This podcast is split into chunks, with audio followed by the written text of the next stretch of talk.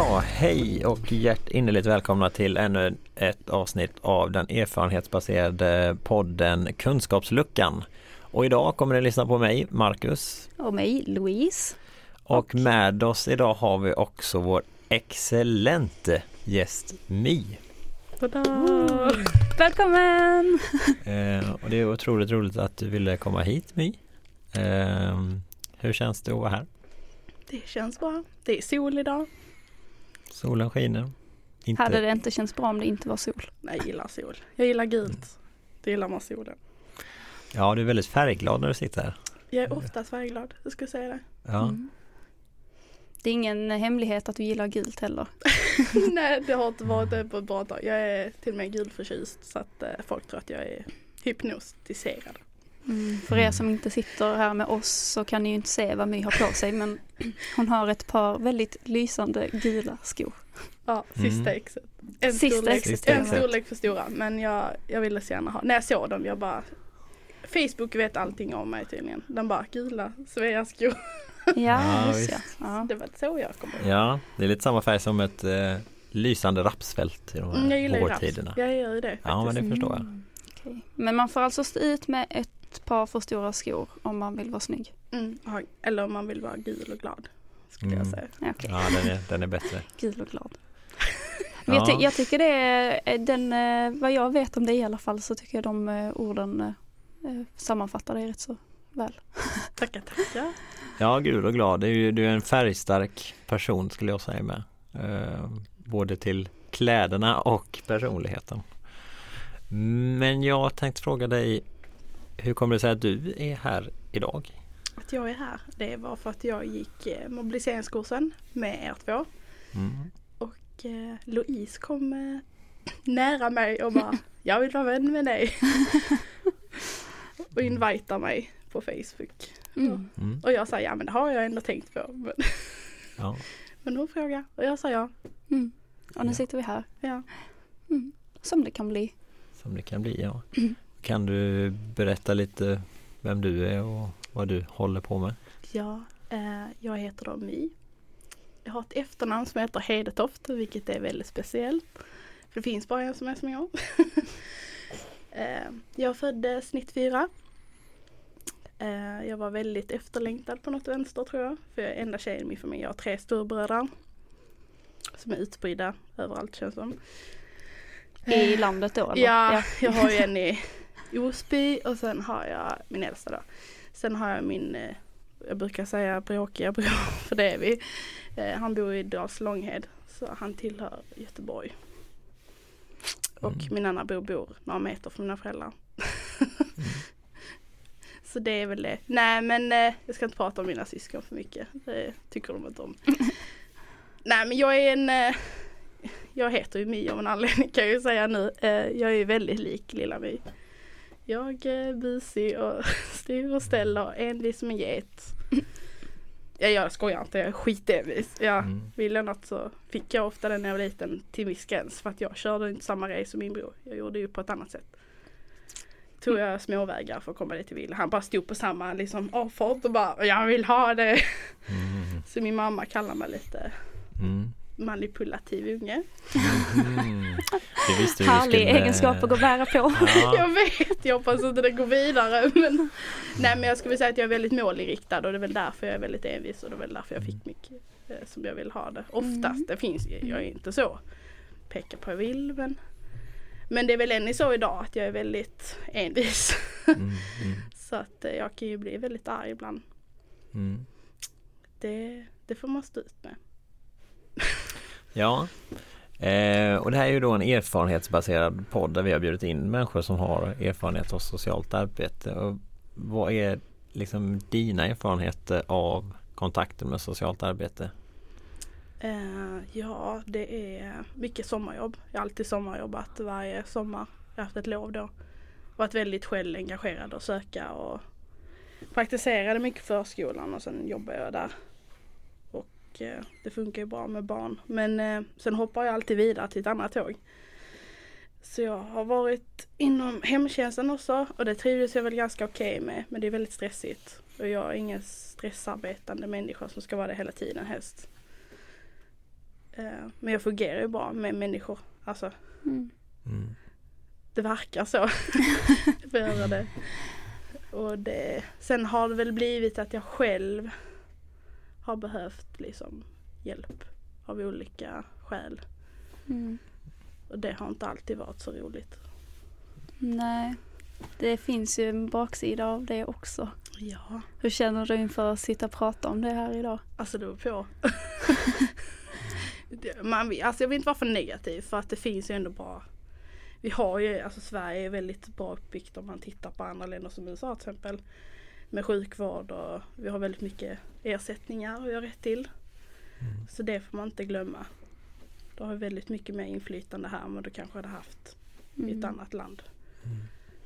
Jag tänker även om, precis som du säger, att vi har väldigt mycket trygghet i Sverige. Men det innebär ju inte nödvändigtvis att det alltid funkar jättebra Nej. för alla människor. Nej, det funkar inte alltid tyvärr. Och jag brukar väl säga att eh, de som bestämmer på taket är ofta de som inte själva har stått i de skorna. Mm.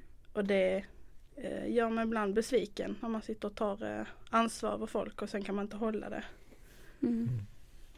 Jag är ju inte ensam liksom att sitta i kö till vårdcentralen och bli sjuk samtidigt med det för jag väntar så länge eller behöver uppge varenda sak jag har fast de kan läsa ett papper. Alltså, Mm. det, eller jag till och med skicka hotbrev till dem för att de ska ta emot mig på ett helt år och det är också väldigt konstigt. Vad skrev du i det brevet Eh, då? Jag skrev verkligen, jag kommer anmäla er och jag ska, chefen ska jag prata med och alltså jag var så trött på dem för jag, alltså jag mådde jättedåligt. Mm. Mm. Jag fick fel mediciner och ja, alltså det är inte okej att ge en starka, de, det är ju så, piller löser allt tror de tydligen. Mm. Mm. Så att då mådde jag väldigt dåligt för jag inte fick den hjälpen som jag skulle haft till att byta det vårdinstans. Mm. Och då sa de att men vi släpper inte det förrän du har kommit vidare. Men så gjorde de ändå det. Och det var ju det jag är så van vid. Att hamna mellan stolarna är ingen bra grej att göra. Tio gånger. Alltså tionde gången kommer ingen och räddar dig. Mm. Det är väl det som är det största problemet. Har Mm. varit det ganska Alltså det blev ju också det när jag flyttade. Det var det som är Man ska inte flytta om man behöver mycket hjälp. Mm. Men jag tänker, nu börjar du prata om att du flyttar och sådär. Så Mm. tänkte kan du inte, alltså bara kort berätta lite om eh, Första flytten eller andra flytten eller tredje, fjärde. Jag flyttade många gånger. Men Nej men jag tänker att vi kanske kan liksom eh, börja lite från början. Okej, vi börjar första gången. Jag flyttade när jag var 19. Eh, precis, jag fyllde på sommaren då så att hösten då så sökte min mamma gjorde detta till mig. Hon sökte Vindens folkhögskola som ligger utanför Umeå. För min bror har gått där. Och jag skulle gå färgform och inredning. Och dum som man är så söker man ju i sista minuten. Och min mamma skrev mitt personliga brev, hon vet hur jag funkar tydligen. För att hon kände att jag måste göra något, jag kan inte bara vara hemma. Och det blev väl bra ändå tror jag till slut för att jag lärde mig väldigt mycket. Alltså man blev väldigt självständig för som sagt familjen är väldigt, väldigt många mil borta. Känner ingen där, bor på landet, alltså älven, Mm. skogen, ekorrarna, alltså det var mycket. Det hände också jobbiga saker men jag skulle ändå se det som en viktig pusselbit i mitt liv liksom. Mm. Och min hund också. Hon, eh, jag skaffade henne 2013 då. Så hon var ju bara ett år. Så det var ju speciellt att ha en hund och studera och eh, det är mycket, alltså de studierna jag väljer är ofta väldigt praktiskt lagda och vilket innebär ganska mycket jobb. Och är man Mm. som mig så tar man alltid på sig extra arbete. Jag är väldigt duktig på det. Ja men det fixar jag till dig, hjälper dig, jag, jag hjälper dig, jag kan göra det. Mm. Och eh, det har varit slitsamt men jag har fått så mycket tillbaka. Mm. Men ja, det var en del av början. Men sen har jag ju sökt till en annan skola och det gick tyvärr inte alls så som jag hade tänkt mig. Och vad var det som hände där då? Eh, det var ju från första dagen kände jag att när jag satt på tåget att det är något som inte stämmer. Och när jag kom fram så den här mannen då som ska ta emot mig och visa var jag ska bo. eh, är inte så trevlig kan jag säga. Han är väldigt kall och hade en blick som jag absolut inte trivdes med. Och jag kände ett hat. Typ. Eh, och han tyckte inte om min hund så han knuffade bort Molly. Han Mm. drog i mina väskor. Jag sa jag har väldigt ömtåliga saker. Och han ryckte i den och han var allmänt konstig alltså. Jag kände bara, när ska han gå hem? Alltså. Och vi skrev på papperna och eh, han tvingade mig, jag ville egentligen vänta och så känna efter liksom, var är jag någonstans. Eh, och sen när han har gått så ringer min mamma i panik och bara gråter bara alltså vad är det här? Det ser inte alls ut som det ska vara. Det är så rummet är helt kantigt och det är sol in, det är jättevarmt, det är trångt, det är litet. De andra har jättestora rum. Hur ska Molly få plats? Alltså Mm. var ska mina grejer vara? Var ska jag sova? Ska jag få garderob över mig? Alltså, det var väldigt stressigt och jag känner det var inte så alltså kul eller trevligt för någonstans om man har rest långt liksom. Mm. Och min mamma blev så sa nej, nej, varför råkar jag ut för detta? Men eh, jag får ju som fixa en luftmadrass, sova där över natten trots jag mådde jättedåligt. Vakna upp dagen efter så har rullgardinen åkt upp. För det var liksom fönster längs hela väggen. Eh, och då står en man och tittar på mig där. Alltså jag sover. så det var min första natt liksom. Och då kände jag, fan gör jag här? Nej men jag ska ju gå i skolan så jag får ju liksom palla på mig och lämna hunden och, och klassen. Allting känns jättebra i skolan men så fort jag kom hem mådde jag dåligt. Mm. Eh, De jag bodde med var väldigt speciella. Det var det som är tråkigt hade mycket påpeka på mig. Men jag hade ju så mycket mer att påpeka på dem. och Vilket gör att det blir bråk. Och bråk är aldrig bra när man bor tre ihop. Ska dela Mm. på rum och kök och Mm. all. Lite trångt. Ja. Ja, och mår man eh, alltså redan lite dåligt så är det ju inte en miljö där ens hälsa frodas kan jag tänka. Nej, sen ska Nej. man studera också på det. Ja. Det var ju rätt mycket nya intryck och Ja, Mm. visst. jag kom ju en dag senare än alla andra så alla andra hade redan startat. Mm. Och gud, jag kan känna igen mig i det. Jag, när vi började socionomprogrammet så började jag ju typ två veckor senare än alla andra. Eh, Jag kom in som reserv Mm. och det var också en speciell känsla att komma in i en klass där det var inte så att alla kände varandra jätteväl men det fanns ju ändå en sammanhållning. Och så kommer man där lite som utomstående och ska försöka passa in liksom. Mm. När man blir lite Mm. alien typ. Mm. Det låter som att du påverkas mycket av den här flytten. Jag påverkas mycket av flytten och det tar inte slut där tyvärr. Det blir bara värre och värre. För varje Ja. dag som går så han ringer mig och sen beslutar jag mig för att byta rum till det så kallade vardagsrummet. Och där är ett stort fläktrumma i väggen så hela väggen vibrerar. Och det här är ju inte bra. Och han den Mm. andra kunde jag inte prata med. Så att Nej. det jag gjorde ett val där var för ren panik. Och jag ringde pappa och sa vad gör jag? Och då så två dagar senare får jag liksom ett papper där det står jag är vräkt. Jag bara kan man vräka folk bara så här? Mm. Finns inte lagar som ska skydda mig? Mm. Och då börjar den här kampen att liksom, var ska jag ta vägen? Mm. Liksom. Mm. Och det, det känns som varje dag så visste jag inte om jag, mina saker skulle vara utanför för han sa liksom till mig så här. Jag vet jag kan komma in i ett rum när jag vill, när jag vill. Alltså jag kan Mm. komma och gå. Det är jag som äger detta liksom. Det var obehagligt. Och han satt ju på en makt, en position. Och jag insåg sen också hur mycket makt han hade i denna stad. För att han kände ju många instanser liksom. Han satt, i, han satt på många stolar vilket jag tror inte är okej heller.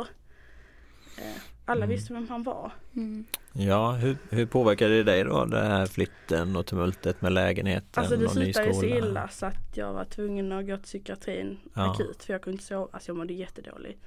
Jag såg förfärlig ut säkert. Och jag var så stressad. Jag ville ju bara gå i skolan. Jag var ju så här. Jag vill detta så mycket så det betyder så mer. Liksom, bara jag kommer i tid så är det nöjd. Men alltså det går ju inte när man inte får sova liksom. Mm.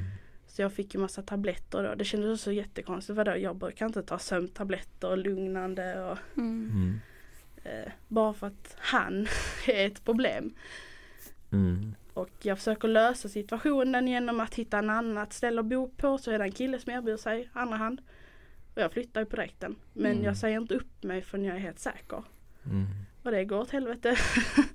Hans flickvän bara, nej men du får inte bo här. Det går inte, du har hund och han är allergisk. Och jag bara, men så du lovade mig att hjälpa mig. Och han blev hotfull, han har varit inom militära så jag blev skiträdd. Alltså jag visste inte vad jag hade det med. Så jag fick ju ta akut taxi och bara åka till hotell. Mm. Eh, Jag hade tyvärr eh, en väldigt vän som hjälpte mig att betala för jag hade ju inte de pengarna när man är studerande. Mm. Så det var ju helt tufft. Så tillbaka in där igen. Alltså Mm. den blicken på någon. Nu flyttar hon in i lägenheten igen liksom i bostaden här. Mm. Mm. Och då var det den där första Alltså eh, detta gick på två veckor liksom att Ja, ja, ja. Och sen bestämmer min mamma sig för att åka ner till mig. Och det blir också kaos. Och då säger de att hon får inte bo här och så här. Mm. Det får man visst, man får ha besökande, det kan inte han säga. Det är en sak hon uppehåller sig där i flera månader, det är inte okej. Mm. Men Hon, hon kan ju inte bo där mer, alltså hon har ju ett helt hem. Mm. Mm. Han och mina djur och alltså min pappa och så här. Så det var väldigt kaos. Och det liksom till slut så var jag tvungen att liksom, gå till polisen. För att Mm. han började hota min mamma. Alltså Mm. Eh, en dag kommer han till skolan. Han följde först efter mig till bussen. Men jag kastar mig på bussen för jag ska till skolan. Kommer i skolan, lägger sin hand på min axel och säger Vi ska prata. Jag bara nej det ska vi inte alls. vi ska prata, du måste, om du inte pratar med mig nu så kasta ut det härifrån nu. Mm. Alltså jag bara kände, vad, vad, vad gör man inte? Jo man går och pratar för man känner sig tvingad. Mm. Och jag visste inte om att jag hade rätt att säga nej och liksom bara stå på mig. Mm. För det han gjorde var liksom ett lagbrott. Men det kunde jag inte veta. Jag kände mig bara så vad gör jag?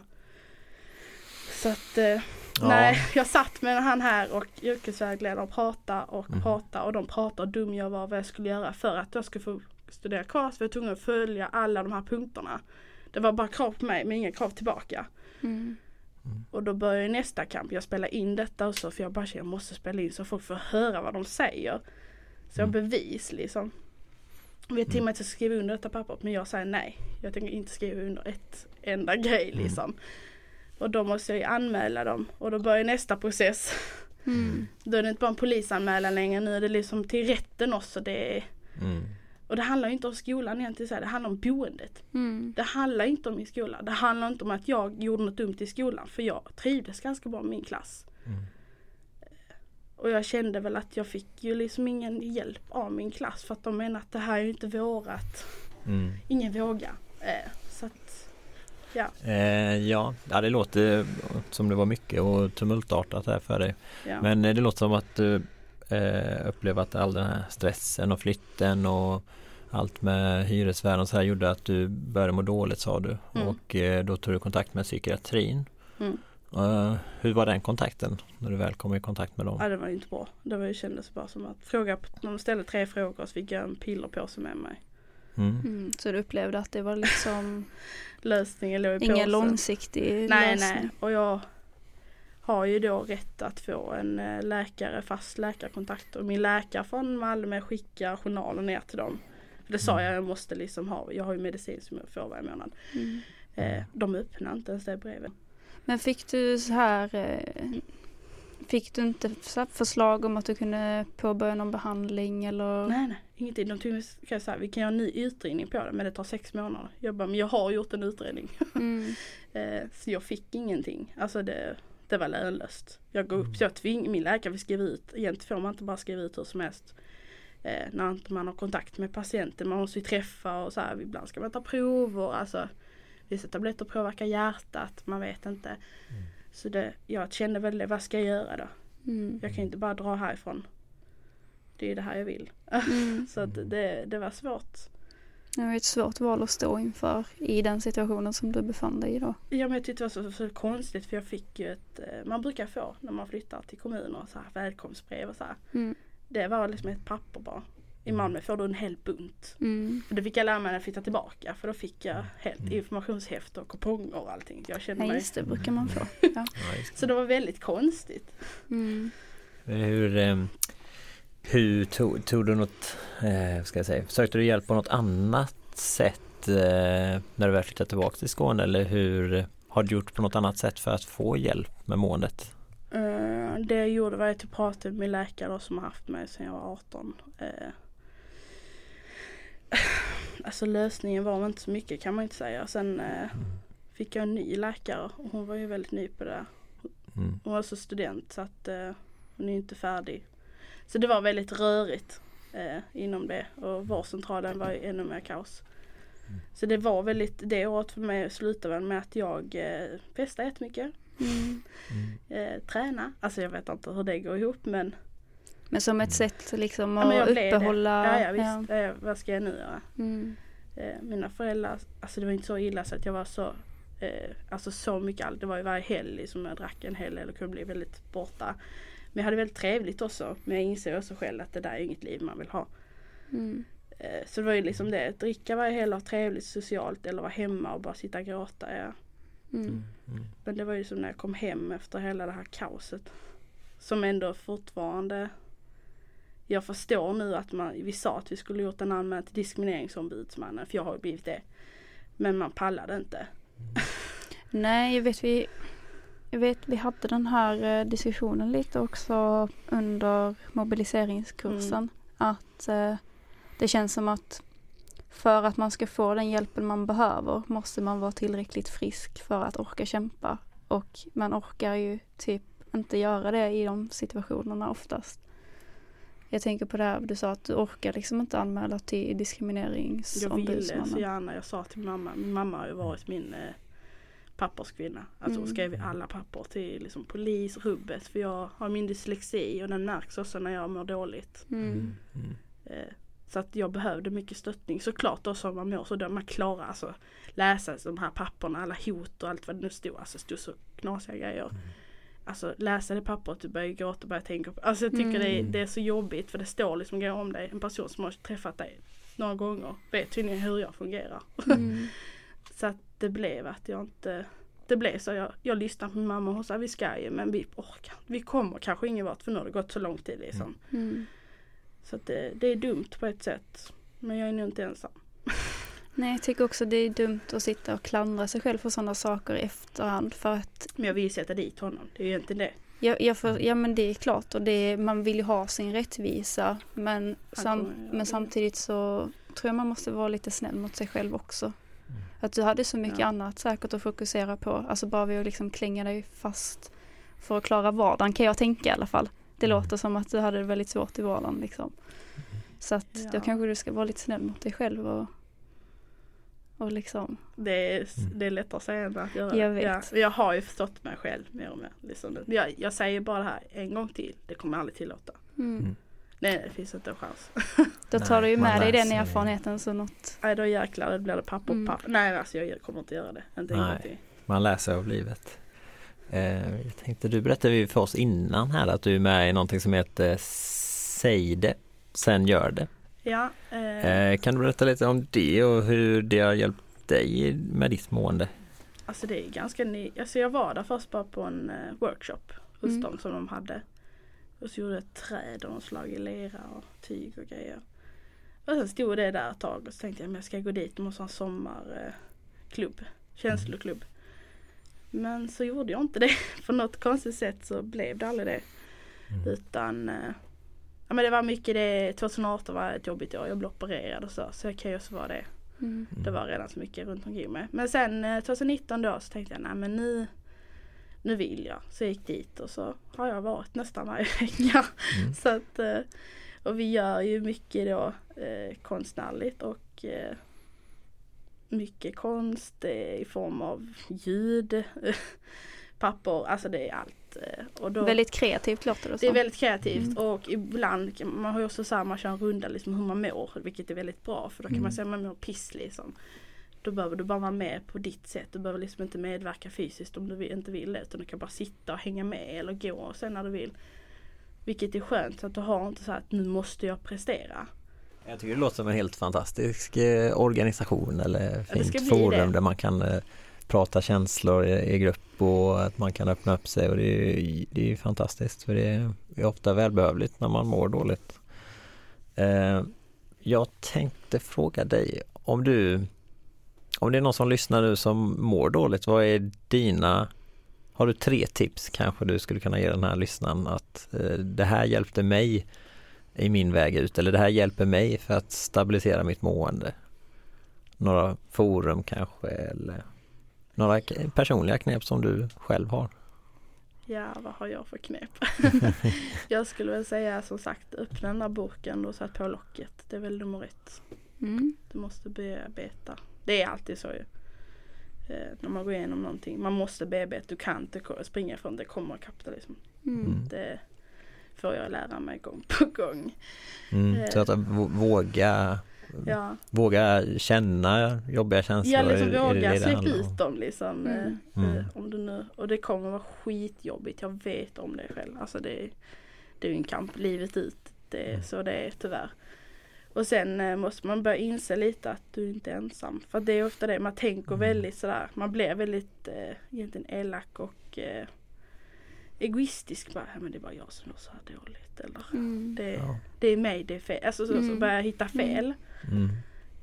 Och det är det vi jobbar på Mm. med Säg det som gör det. Liksom att det, det är inte dig det är fel, det är samhället det är fel på. Liksom att du gör så gott du kan. För det är det som räknas. Och det är väl det jag tänker liksom. att Jag hittar, det är mycket, jag är med i så många olika organisationer. Eh, och det hjälper mig. att träffa andra och att jag kan lära då ut det jag är bra på. Så byter man. Och sen många organisationer jobbar ju inom det området de är i. För att motverka det som är dåligt. Mm. Och det är Mm. kanske det som är bra. Tänk om man mår dåligt kan man då få utlopp för det. Mm. Så det är nog mina tre. Ja, Mm. Sen de här Tack andra vet dem. ni säkert liksom att man kan ringa olika organisationer på telefoner och hemsidor. Men ja visst.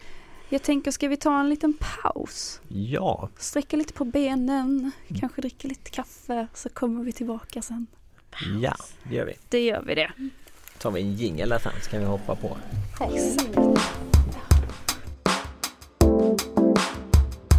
Nej, men vi har ju kommit tillbaka från en liten paus nu mm. och då tänkte vi att det kunde vara kul med ett eh, lite frågeinslag. Så tänkte vi kan dra igång med att ställa tre frågor till dig. oj oj oj.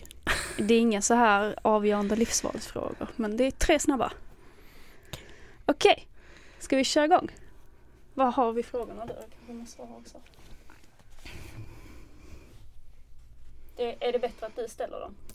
Absolut, jag har skrivit med min eh, kråkiga handstil så du ser inte vad jag har skrivit. Men vi har skrivit favoritfilm. Favoritfilm? Oj jag som är sämst på namn. oh, kan det vara Narnia? Kanske. Ja, det- Idag är det Narnia.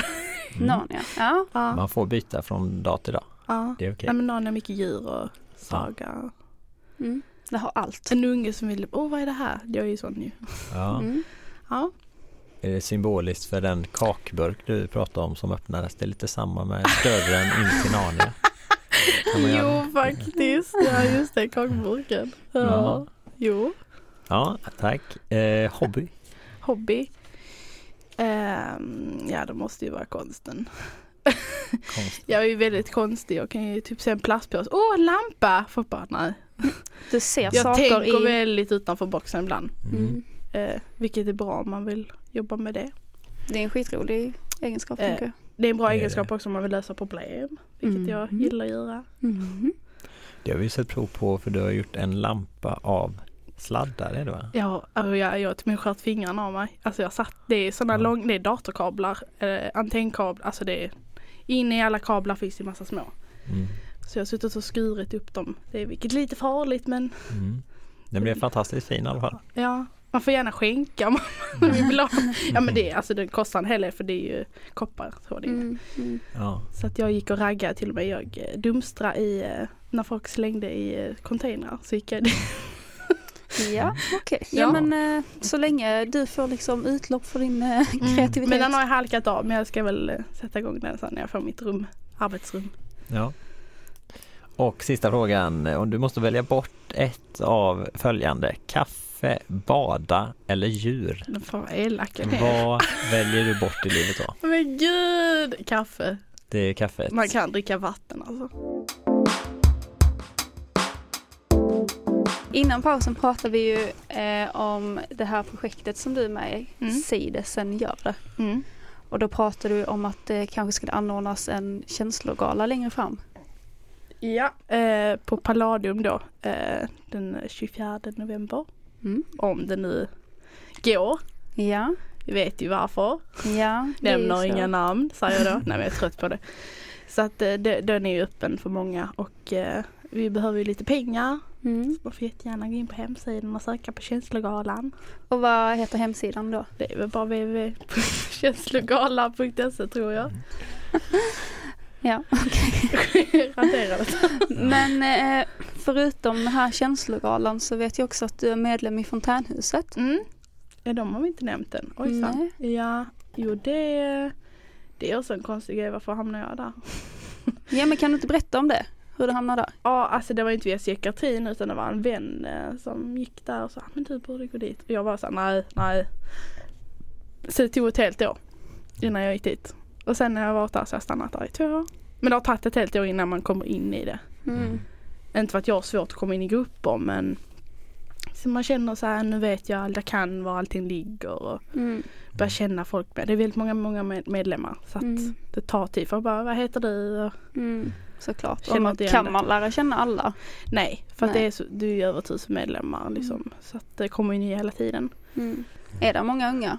Eh, mer och mer men de behöver fler. De vill ha mer blandning på det. Mm. Eh, så det Då är du en stark representant för den unga målgruppen. Jo jag har fått höra det. Eh, jag är med här istället för med i radion som vi har. Ja just Radio det. Fontänen. Ja. De, de vill att jag ska vara med men jag, jag säger ja ja sen. Jag är Mm. väldigt duktig på att lägga det i en låda bara hej vi tar det sen. Jag vet ju att kunskapsluckan som tidigare, den tidigare gruppen, eh, Ja de två, ja det vet jag vem det är. ja för de spelar ju in i samarbete med Radio Fontänhuset. Mm. Ja. Men det är ju stort. Fontänen Mm. finns ju i hela världen nu. Det, Mm. det fick jag lära mig rätt fort. Där ser man. Ja du, jag trodde det var svenskt. Ja, det är det väl inte. Vi fick ju lära oss lite Ja, om eh, fontän. amerikanskt Så i- det är ju i det. grunden. Jo, Mm. vi har till och med så att man kan åka till USA då. Mm. Eh, ansöka och följa med och så här, det låter skitkul. Mm. Och de, de, de pratade ofta när de gick i sådana eh, grupper då, när de skulle ha stora evenemang. Så stod det så här, no weapons. Man bara, det är inte Sverige nu.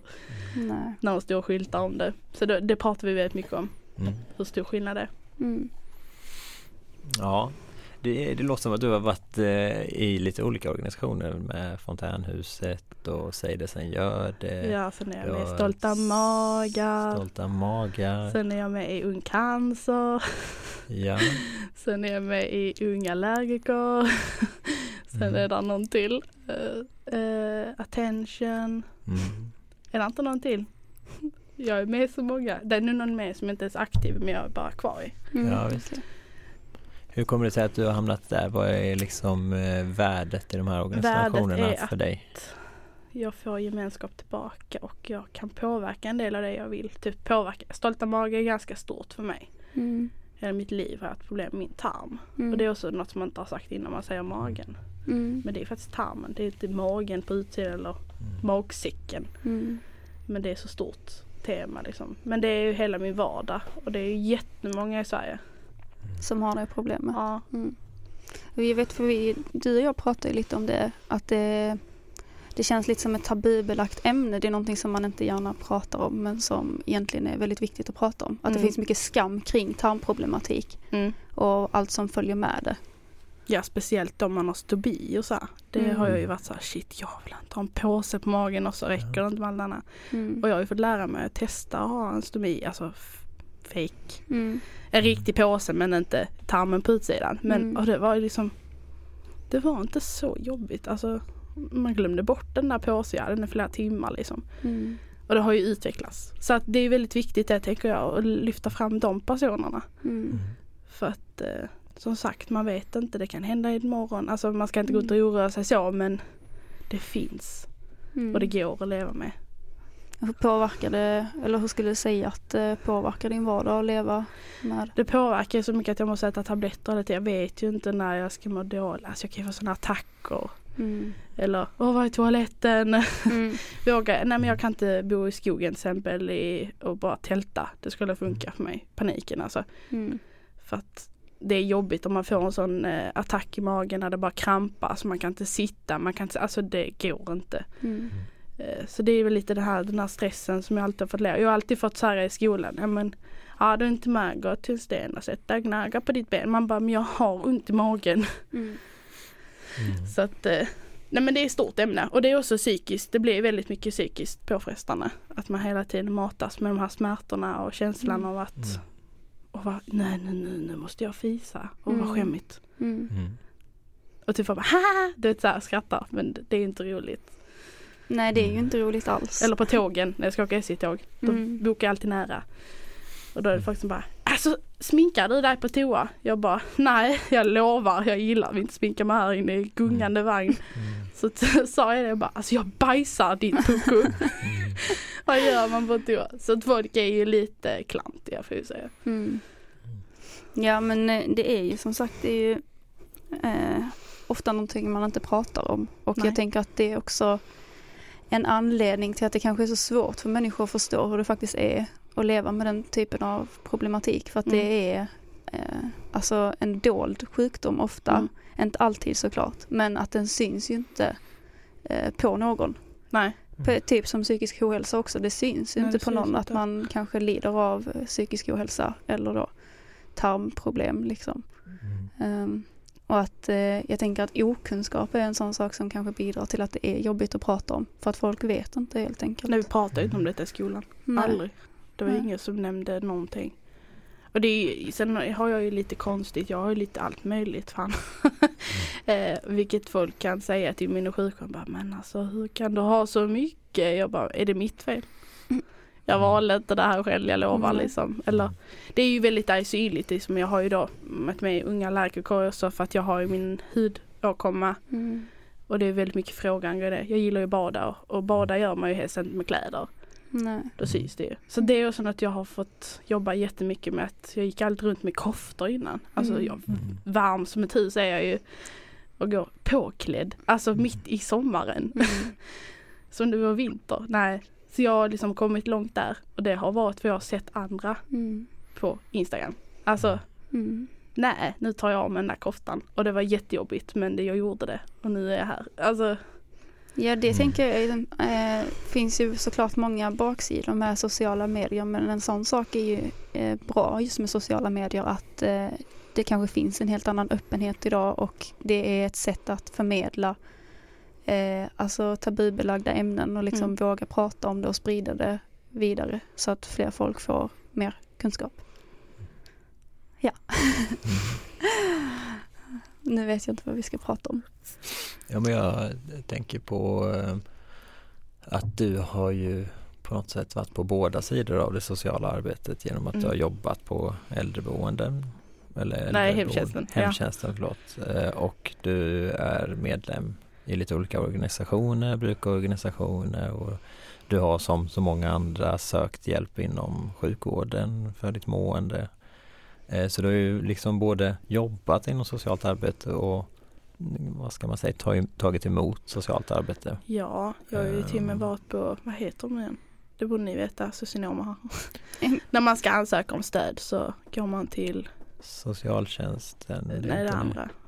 Ja men det är nog socionomer som har det. Ja men i alla fall för att ansöka för boendestöd för att jag klarade Mm. inte att ta hand om mitt hem. Socialförvaltningen. Ja socialförvaltning, Mm. tack. Ja. Jag tappade hela det och det var så en process i sig. Mm. Mm. Eh, det tyckte jag var jätteskämmigt. Mm. Mm. Ja, det, kan, det finns ju en viss eh, skam och inom socionomprogrammet så brukar vi benämna det med ordet stigma Mm. eh, kring att söka hjälp. Känner du liksom att det har påverkat dig? Alltså, det gör det. Jag är ju mm. ganska så här, äh, gillar att dra i linor när jag behöver någonting. mm, Men eh, det var ju känsligt att prata om bara, hur mycket har du samlat ut på sopor? Jag bara Mm. va? Alltså Mm. det var väldigt så här. mm, Eh, och jag har gått från att vara jätte så här, superpedant nästan för att Mm. få någon spilde, bara äh, måste torka. mm, Eh, till att bara tappa det helt. Så jag, jag har varit på båda Mm. sidor. Så det var jobbigt i sig. Och sen har jag till och med tagit hand om andras hem. Gått och Mm. städat. Så det är jättekonstigt. Men Mm. eh, man kan tydligen vara både och. mm, Sen är det också, det är ett jobb, det är professionellt. Då är man på ett annat ställe. Mm. Hemma är hemma. mm, Ja. Men jag förstår vad du menar. För Mm. det har jag känt av andra då. mm, Jag är Mm. faktiskt inte ensam. mm. Skammen eh, är nog ofta närvarande i många, hos många hjälpsökande. Mm. Eh, Vad har du gjort för att hantera skammen? Eh, skammen, ja vad har jag gjort egentligen? Jag kan ju tycka än idag att det är jobbigt att gå till eh, vårdcentralen med vissa grejer för att jag varit där så många gånger. Och bara nu är jag här igen. Mm. Och eh, de tycker ju typ inte om mig i receptionen. Är det en Jobbiga. allmän känsla du har? Ja men jag ser ju i ögonen. Alltså det har ju till och Mm. med varit att jag blivit utskälld. Mm. det är lite knasigt faktiskt. Jag ska inte Mm. känna det så. Men det är så. Jag känner det. Så, nej nu är hon här igen. Mm. Du vet de har ju så mycket att göra. Och de skyller på varandra. Den Mm. ena skyller på den andra. Alltså jag har ju åkt runt i rullstol i gångarna i källaren liksom. Och jag har åkt runt på hela sjukvården för de inte visste var jag skulle vara. Mm. Det är ju jätteknasigt. Har, det, har du blivit bemött på något sätt eller något arbetssätt från någon, eh, Mm. någon som du har sökt hjälp från som har gjort någonting för att minska den här skammen som kan finnas? För din del? Eh, Det var ju var nog när jag eh, ansökte då nytt. Jag bara insåg att eh, mina sår på mina armar, mina eksem, det gick liksom ut över allt. Alltså det, till sist, det gick inte att jag hade ett sår överallt som bara och så här. Så jag tog kontakt och skrev då en egen remiss och då, jättelång vänt. Det är jättesvårt att få vård Mm. inom hud för dermatologi är så stort i hela din kropp. Mm. Vi har ju hud på de flesta delar. Hud då- är väl det största organet Det är det största också. organet, ja. det är det. Det har du rätt i. Pluspoäng till mig. Ja. Så jag sökte privat, eller de skickade mig ett privat och det var jag jättenegativ till för jag tänkte nu kommer det kosta pengar och de skickar sms. Jag bara what? Det känns skumt. Men sen när jag var där en gång och pratade med mamma med bara för jag ville ha koll. Han bara varför har de inte hjälpt dig? Mm. Jag hade inte behövt tala dessa ärenden. Så då blev jag jätteledsen. Mm. Så sa jag, varför har inte jag fått hjälp när jag har sökt hjälp? Mm. Mm. För nu får jag dras med det här livet ut. Alltså Mm. det, jag kommer få stråla, de kommer att göra det och så sen Men det hjälper inte, du kan inte ta bort alla. Det går inte, jag har så många så att det Mm. Det gör mig ledsen men som sagt jag jobbar jättehårt med att inte jag ska skämmas för min är. Mm. Mm. Så det var jätteviktigt. Alltså jag, det är första läkaren jag känner bara shit han bryr sig om mig. Mm. Han må vara dansk och inte förstå mig alltid men han, han är faktiskt bra. Ja, trots detta till trots. Ja, och trots detta tider så då när man ska gå dit och han är ersatt av en annan person som också är dansk och det Mm. blir rörigt. Mm. Så kommer jag ändå fortsätta gå dit. Ja, Okej, vad härligt att han kunde ta bort det hos dig om du har känt skam innan att han lyckades eh, ta bort den. Ja men det är ju känns helt klart Alice. Stå helt naken inför någon och bara titta på Mm. Ja, prickar klart. och Mm. Känna och klämma. Ja, det är väldigt så. Ja, det är Ja. en sårbar situation. Ja, Och då är Mm. ju alltså kontakten man har med läkaren då i detta fallet är ju jätteviktig. Mm. För att man liksom ska känna sig bekväm. och det är viktigt att jag fortsätter gå dit för Mm. det har ju märkts när jag inte har gjort som jag ska. Mm. Då Ja. har han inte haft koll på mig. Då kommer Ja. han dit och får jag nej, nej, nej, nej. Har du inte använt dina salvor? Nej visst, och det är därför jag tänker att det är så viktigt att prata om skammen.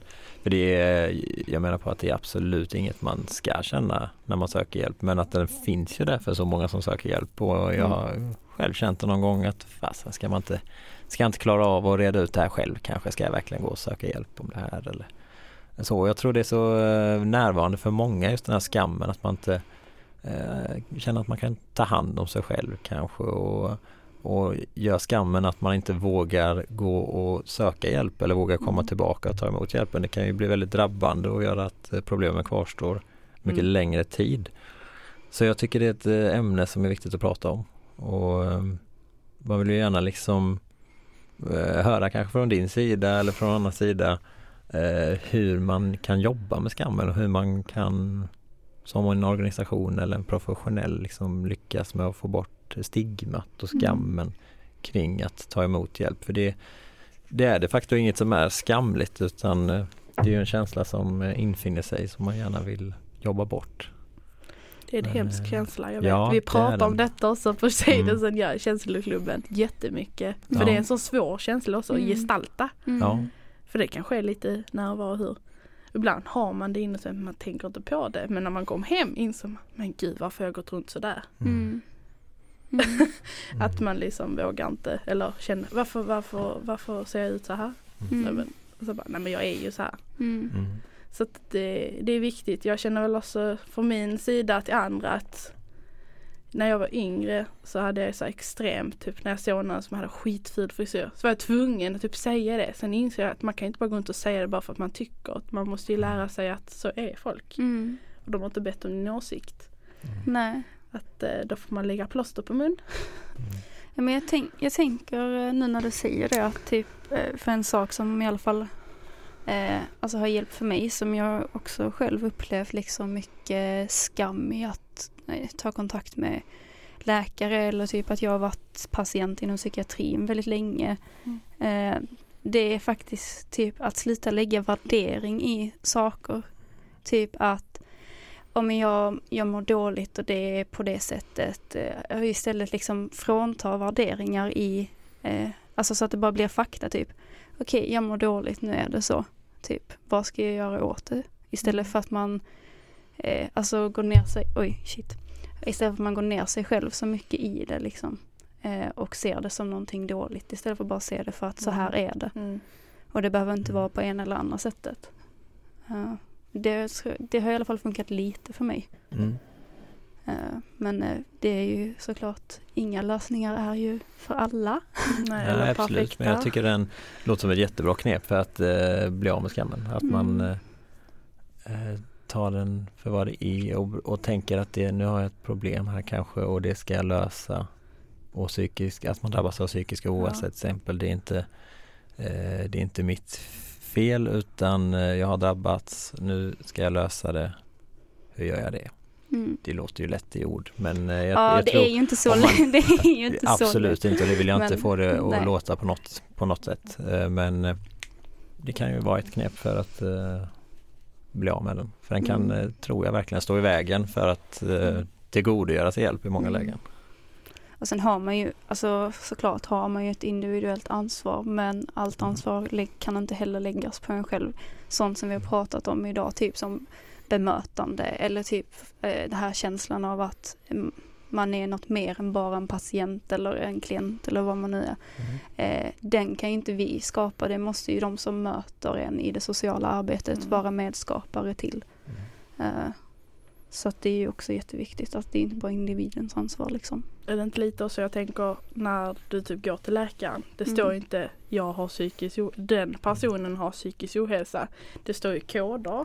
Ja, ja, gud ja. Och det vet man inte själv kanske vad det betyder. Fick jag lära mig nu senast på mitt Mm. eh, eh, nya intyg till Försäkringskassan. Mm, För två år sedan så stod det en kod jag känner inte igen. mm, Vad, är det här för mm, diagnos? Var kom den ifrån? mm, Jag har aldrig haft den. Nej. Och genom att jag har den diagnosen från ingenstans, ingen vet var, var den kommer ifrån. Så har jag tydligen kunnat ansöka till vuxenhabilitering, en annan instans. Eh, Mm, Det är mycket att jag går och pratar och sådär, styr upp livet lite och så när det krisar. De mm, har inte riktigt fått grepp om mig heller vad jag behöver hjälp med. Nej. Det har också varit lite såhär, ah, men jag behöver dem. Men har du blivit tillfrågad om vilken hjälp du, eller vad du behöver hjälp med? Eh, nej, utan de frågar mest vad jag vill. Alltså det är Ja. jättesvårt för att jag, det, när, när någonting är bra hos mig så är det Mm. alltid kaos omkring mig ändå. Alltså Mm. det är hela tiden något nytt eh, projekt omkring mig. Liksom, vi bygger inte hus eller flyttar jag inte eller ska jag studera och så samtidigt ska jag placeras. Alltså eh, det har varit så här. Mm. Så att eh, när allt det har börjat lägga sig då kan jag börja fokusera på mig. Mm. Men det, det är också jättekonstigt, eller hur? Att bara för att jag måste ha, jag har ju redan då ADHD-diagnosen. Då måste Mm. jag tydligen ha en annan diagnos för att kunna gå till vuxenhabilitering. Mhm. Men ADHD kanske är så stort i mitt liv. Alltså vi är ju, det är jättemånga patienter som lider liksom autismspektrum. När då utfryser man dem för att det kostar så mycket pengar för det finns så många som har ADHD. Alltså det är ju så rörigt. Och det blåser psykisk ohälsa på dem då kan jag ju tänka mig själv. Mm. För då har det ju varit, jag hade ju behövt det när jag blev 18. Mm. För BUP gjorde väl inte någon jättestor grej för mig. Nej, Skulle jag inte säga. nej. Mm. Så att eh, nu är vi där igen. Ja, nej men det är viktigt ämne att prata om. Hitta ju. problem men ändå, jag försöker Mm. ändå. Ja, jo. Och det är ändå en stor grej jag får dras med varenda gång liksom när man pratar om det. Bara, ja dina diagnoser, hur känner du för det här? Eh, är det något problem? Jag bara, nej. Jag skulle inte säga det som ett problem idag. Jag är Nej. vuxen, jag har lärt mig jättemycket. Mm. Mm. Ja. Ja, intressant. Eh, jag, ska vi halka in på begreppet brukare Mm. och eh, också känslan av att vara brukare? Shoot. Om vi ska använda det begreppet. Man kan vara brukare av många grejer. Brukare av socialtjänsten. Eh, inom sjukvården brukar man ju kallas patienter men vi, vi drar med dem också och kallar alla som tar emot hjälp av socialt arbete i någon form för brukare Mm. i den här diskussionen. Mm, vad tänker ni när ni hör begreppet brukare? Ja, alltså det är ju ett begrepp som vi typ har använt under hela socionomutbildningen och eh, som jag tycker har problematiserats förvånansvärt lite. Finns det, om man kan koppla det till skam och stigma, finns det en skam i att uppleva sig själv som en brukare? Eller vad är det som gör att det finns ett motstånd mot begreppet brukare? Jag tänker att det kanske kan ha någonting med det att göra. Att eh, begreppet brukare liksom, det är så starkt kopplat till att vara i beroendeställning. Mm. Eh, och att då är man en person som inte är som alla andra. Och man är bara den personen då. Man är inte en person med massa eh, alltså härliga egenskaper, typ att man kan vara glad, man kan vara omtänksam, man kan vara det här. Utan man är, man är Mm. bara en brukare och därmed är man bara en sammansättning av problem, typ. Eller en Mm. använd, Ja, ja, Mm. så att det, förbrukad, använd, ja. För så, så kanske man kan eh, alltså tänka att det kan vara liksom lite stigmatiserande på det sättet. Mm. Eller vad tänker ni? Jag tänker att stigmat kan finnas när man använder brukare i det individuella fallet. Så ser jag det i alla fall. Att det, det är inte så stigmatiserande eller skamfullt om man pratar om brukare som grupp. Mm. Eh, tänker jag. Men pratar man om eh, Johan eh, som är en människa och att benämna honom som en brukare. Det, där tänker jag att där blir det en förminskning, omvandling av Johan från Johan till eh, en brukare. Men att benämna, jag tänker ändå att det är viktigt att kunna benämna gruppen hjälpsökare. Och att eh, jag tror att begreppet blir på något vis skam, skamfyllt eller stigmatiserande vad vi än väljer att benämna det, klient eller brukare eller sådär. Men att jag tror ändå vi måste ha ett begrepp för att kunna beskriva gruppen hjälpsökande människor. Och nu är ju gängse sätt att göra det på är ju att använda ordet brukare eh, ofta. Eh, men jag tror att man får passa sig för att göra det i det individuella fallet.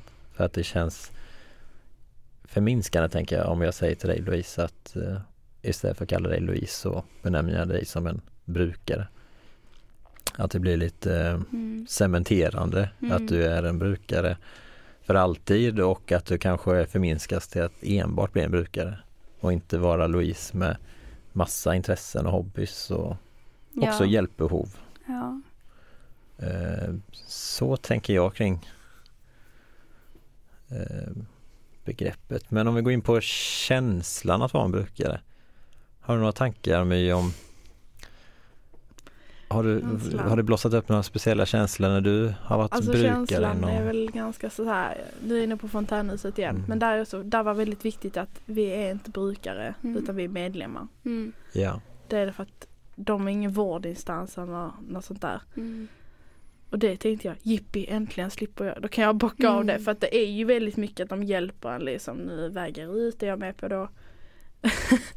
eh, och då är man ju inte brukare av väger ut utan man är ju medlem som är där Mm. men att man får stöttning. Mm.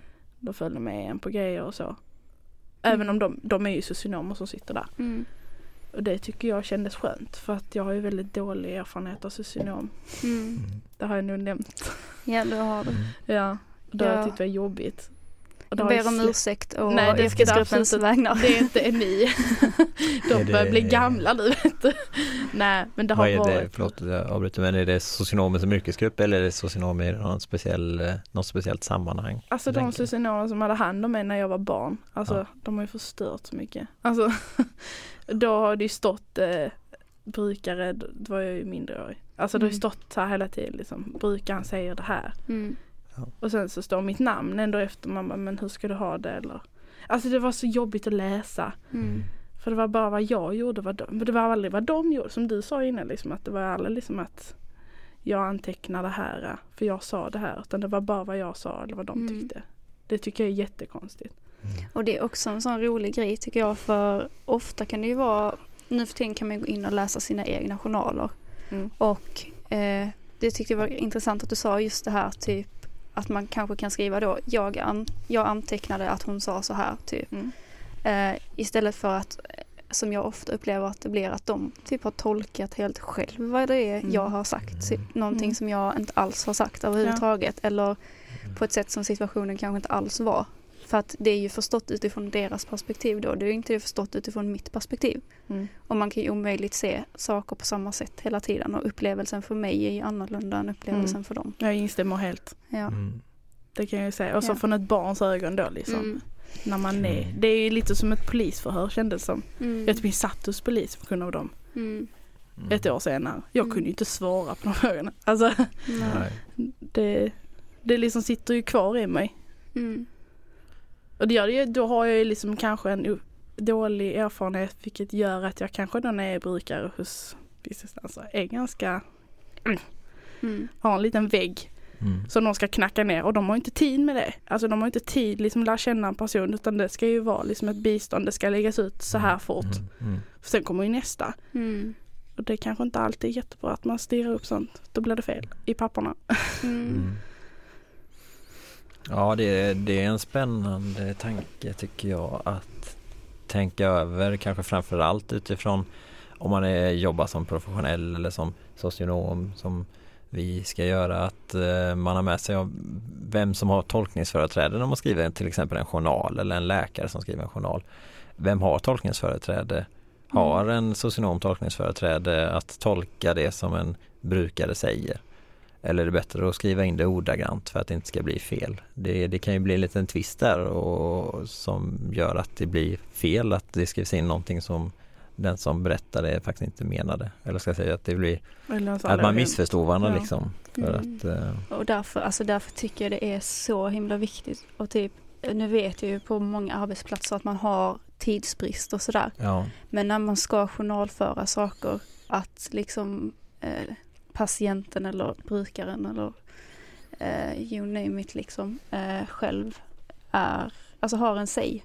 Ja, jag tycker det är jätteintressant att vi kan prata, från det ut, eller prata om detta utifrån två olika perspektiv. Jag Ja. tänker, om vi säger som från socionomernas sida, så blir det ju viktigt att jobba med närhet och distans eh, på ett sätt att man kan prata om brukare som grupp för att komma lite längre ifrån det känslomässigt och att man kanske i jobbet måste benämna gruppen som brukare för att man orkar inte ta in allt på en individuell nivå. Jag tänker att det är mer Mm. känslomässigt krävande i en professionell roll att hela tiden behandla varje fall i sitt jobb som en människa. Det, Personlig det människa, kan bli ja. för mycket i sin arbetsroll.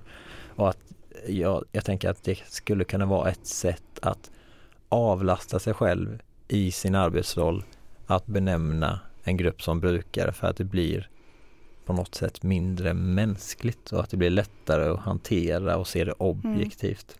Mm. Men andra sidan av myntet att benämna som brukare som hjälpsökare om det kan upplevas stigmatiserande och skamfyllt så är det ju ett motstånd till att ge ut god hjälp och kunna få emot god hjälp.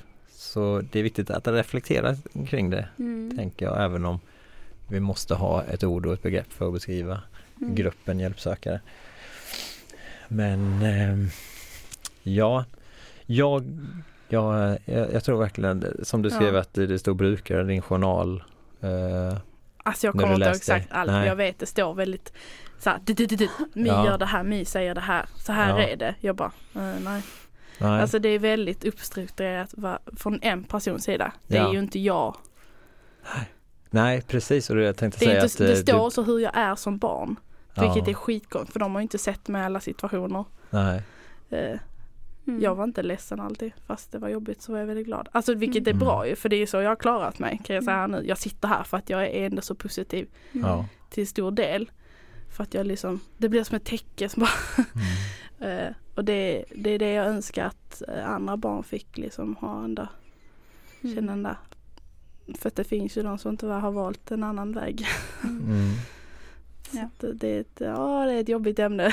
ja, men det är det. Men Men det är ett att, mynt, eh, det är ett mynt också ju. Det är som du säger brukar. Alltså det är ju, ja, det åt andra hållet blir det knasigt för den andra och det andra är det. Mm. Ja, men jag, ja, jag, eh, och jag tänker just med att du, om du benämnde sig som brukare i din journal där, Mm. att det händer någonting när du går från my till brukare. Om det har stått my säger så här och så här. eh, Om man jämför det med Mm. brukaren säger så här så här och du får Mm. läsa om dig själv att brukaren säger så här och du är i det här fallet brukare. Jag brukarens förälder skrev det också. Ja, Mm. Det var så Jajamän. knasigt. det finns ju en risk tänker jag att det blir en förminskning av Ja. dig och att du går från my till att Ja. bara vara Eller en när brukare. man blandar in andra, typ mina syskon i mina papper. Det står om Ja. dem som inte har med mig att göra. Det var så jättejobbigt. Min mamma tog bort den sidan. Ja. För min mamma kände det här har inte jag med att göra. Mm. Nej. Det var så jätteknasigt. Jag tror inte man får göra så egentligen. Lägga in en annans, nästan en journal var det. Alltså jag skojar inte. Mm. Eh, och vi är ju helt olika våra syskon liksom. Det är olika grejer varför vi är där. Mm. Mm. Så att eh, Mm. Men jag hoppas det blir bättre nu. Alltså jag vet ju inte, jag har inte varit där på år. Men alltså jag hoppas att det blir utvecklat åt det bättre hållet. Mm. Men det Ja. hoppas jag också. Och jag tänker att eh, genom sådana här diskussioner så kan det bli det. Mm. Ja. Det tänker jag. ja, och eh, det får avrunda dagens program Ja, där Det vi har vi har gått en något snårig väg. Men, men desto intressantare. Vi har snubblat in på psykiskt mående, Mm. psykisk ohälsa. Vi har pratat om lite olika organisationer som man kan få hjälp från. Brukarorganisationer för det mesta. Hur kontakten med sjukvården och psykiatrin kan kännas. Vi har gått in på känsla av skam i att söka hjälp. Vi har gått in på begreppet brukare. Vad innebär det? Hur känns det att vara en brukare? Hur eh, kan man tolka begreppet och när kan det användas och inte användas?